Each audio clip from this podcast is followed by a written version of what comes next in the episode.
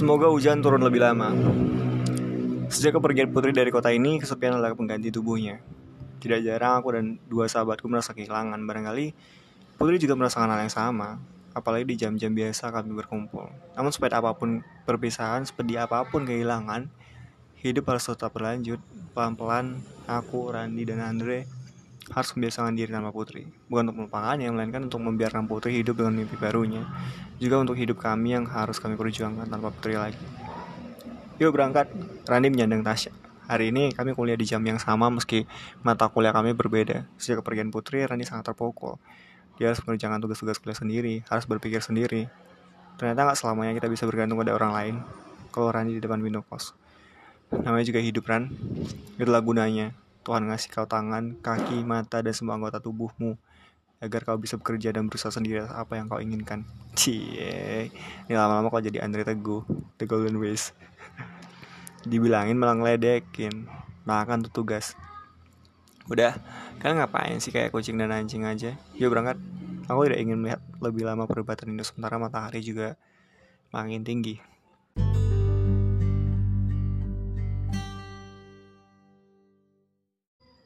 Pukul 4 sore aku memilih untuk tidak pulang ke kos. Randy sedang pergi jalan dengan salah satu pacarnya. Heran sama laki yang satu itu. Dia selalu tidak pernah kapok bermain dengan hati perempuan. Gi, cewek itu nggak usah dibaikin. Mereka itu sadis, maunya enak aja, dimengerti terus. Eh lama-lama malah mau jadi ratu dan jadiin lelaki babu. Makanya kalau aku main-main gak ada salahnya. Begitulah ucap Randi aku. Suatu hari ketika aku pernah bertanya kepadanya kenapa dia belum berhenti bertualang dari satu perempuan ke perempuan lain. Sementara itu Andre memilih pulang ke tempat kos. Seperti biasa dia akan sibuk dengan laptopnya di kos. Karena itu aku pun memilih pergi ke toko buku. Ada buku teori untuk pelengkap materi skripsiku yang harus kebeli. Aku menelpon Aira, meminta perempuan itu menemaniku mencari buku. Dia bersedia dan aku dan akan menyusulku ke toko buku. Hampir satu jam aku ber berputar-putar di antara rak-rak buku yang tersusun rapi. Sembari, sembari menanti airnya sampai, aku membaca beberapa buku yang sudah dibuka plastiknya. Memilih bacaan yang kira-kira bisa menjadi buku yang ku baca seminggu ke depan. Selain buku teori kuliah tentunya, aku menatap jam di tanganku. Sudah hampir pukul 5 sore. Ella belum juga terlihat. Merasa bosan dalam buku, toko buku di lantai 3. Aku beranjak ke lantai 2 sebelum ke lantai dasar. Di lantai 2, aku menemukan buku teori untuk skripsiku yang ku cari. Setelah membeli dua novel yang akan kubaca seminggu ke depan, aku beranjak keluar. Sampai di depan pintu toko buku, ternyata hujan turun. Sepertinya airnya tidak akan datang karena hujan, keloko. Di seberang jalan, sebuah angkot berhenti. Seorang perempuan dengan celana jas hitam memakai kaos hitam dan memegang payung berdiri menunggu jalanan sampai agak sepi. Lalu berjalan menuju toko buku. Dia tersenyum kepadaku. Rambutnya terlihat agak basah karena biasa air hujan. Maaf, aku telat. Jadi tadi agak macet. Hujannya juga deras. Gak apa-apa. Aku pikir kamu gak akan datang. Dia menaruh payungnya di tepi teras toko buku, membiarkan payung itu kering. Kamu kenapa berdiri di sini? Tanya heran. Aku baru keluar dari toko bukunya, ya sudah. Kita masuk lagi aja ya, masih hujan. Sebentar, dia, dia mengeluarkan sapu tangan dari tasnya, lalu menyeka wajahnya yang agak basah. Yuk, ajaknya. Kami kembali masuk ke toko buku.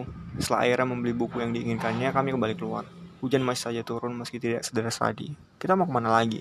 Tanya Aira sampai di teras toko buku. Kami menatap langit yang mulai terlihat cerah meski hujan belum sepenuhnya berhenti. Kayaknya hujan-hujan gini ngebakso seru deh. Aira menawarkan pilihan. Tawaran yang menarik. Balasku. Kami menengadahkan lapak tangan ke arah langit. Hujannya sudah tidak terlalu deras. Era pun segera mengambil payungnya. Kami berjalan menuju perkiran yang berada di beberapa yang berada beberapa meter dari tempat kami berdiri. Namun entah mengapa aku justru senang dengan hujan kali ini.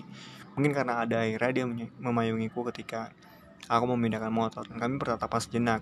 Ada jeda yang terasa sebelum akhirnya dia menyadari dan mengelakkan wajahnya. Di kawasan Jalan Damar, kami melintasi jalan veteran. Kemudian aku memilih berhenti di sebuah warung bakso di tepi jalan Ulak Karang. Aku dan sahabat-sahabatku juga sering makan bakso di tempat ini karena cukup dekat lokasinya dengan kampus. Kenapa berhenti? Kamu kebasahan? Tanya Aira ketika aku menepikan motorku. Enggak, aku lapar. Kita makan dulu ya. Aira hanya mengangguk pertanda dia tidak menolak. Aku memesan dua mangkuk bakso karena tidak ada menu lain di sini. Untuk minuman, aku dan Aira memesankan Ayakawa daun adalah minuman yang terlah yang lahir di Batu Sangkar, Sumatera Barat. terbuat dari seduhan daun kopi yang diproses seperti air teh. Rasanya manis karena ditambah dengan gula merah. Kini minuman tersebut sudah lebih bervariasi penyajiannya. Ada yang menikmati dengan campuran susu dan es batu, juga ada yang disajikan dengan air hangat, seperti teh hangat. Dan uniknya, ayah kawa daun disajikan di dalam wadah tempurung kelapa yang diolah menjadi seperti gelas. Konon dulu ini adalah minuman para pribumi. Masa ketika penduduk pribumi tidak bisa menikmati hasil di lahan mereka sendiri. Mereka akhirnya memanfaatkan daun kopi untuk menjadi bahan minuman. Aku meneguk ayak kawa daun yang ada di hadapanku. Udara yang basah membuatku kedinginan. Suka ayak kawa daunnya?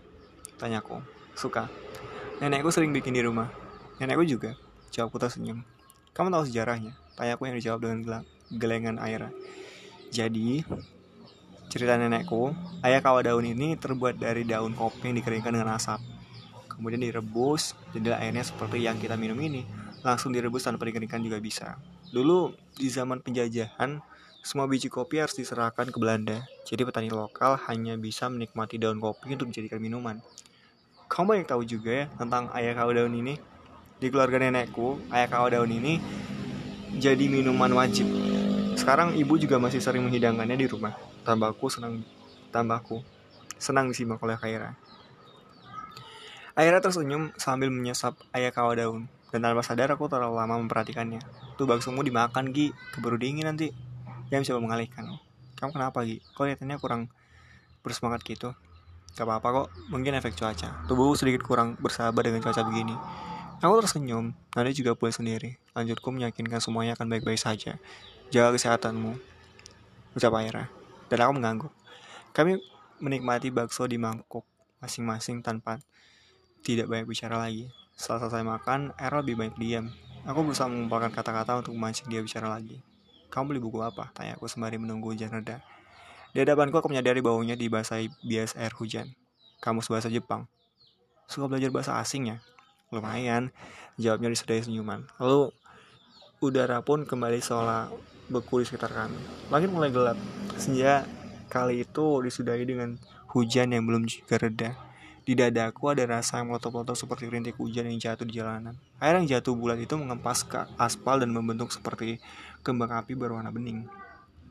Aku berusaha menikmati rintik hujan yang jatuh, sama halnya seperti aku menikmati setiap detik bersama Aira. Dalam hati diam-diam aku merapal doa, meminta kepada Tuhan agar hujan turun lebih lama agar aku bisa lebih lama dengan perempuan yang sedang berada di sampingku ini. Dan sepertinya Tuhan memang maha baik. Hujan tak kunjung juga reda seperti meski Rona cemas telah memeluk pipi Aira. Namun, sepahit apa pun perpisahan, sepedih apa pun kehilangan, hidup harus tetap berlanjut.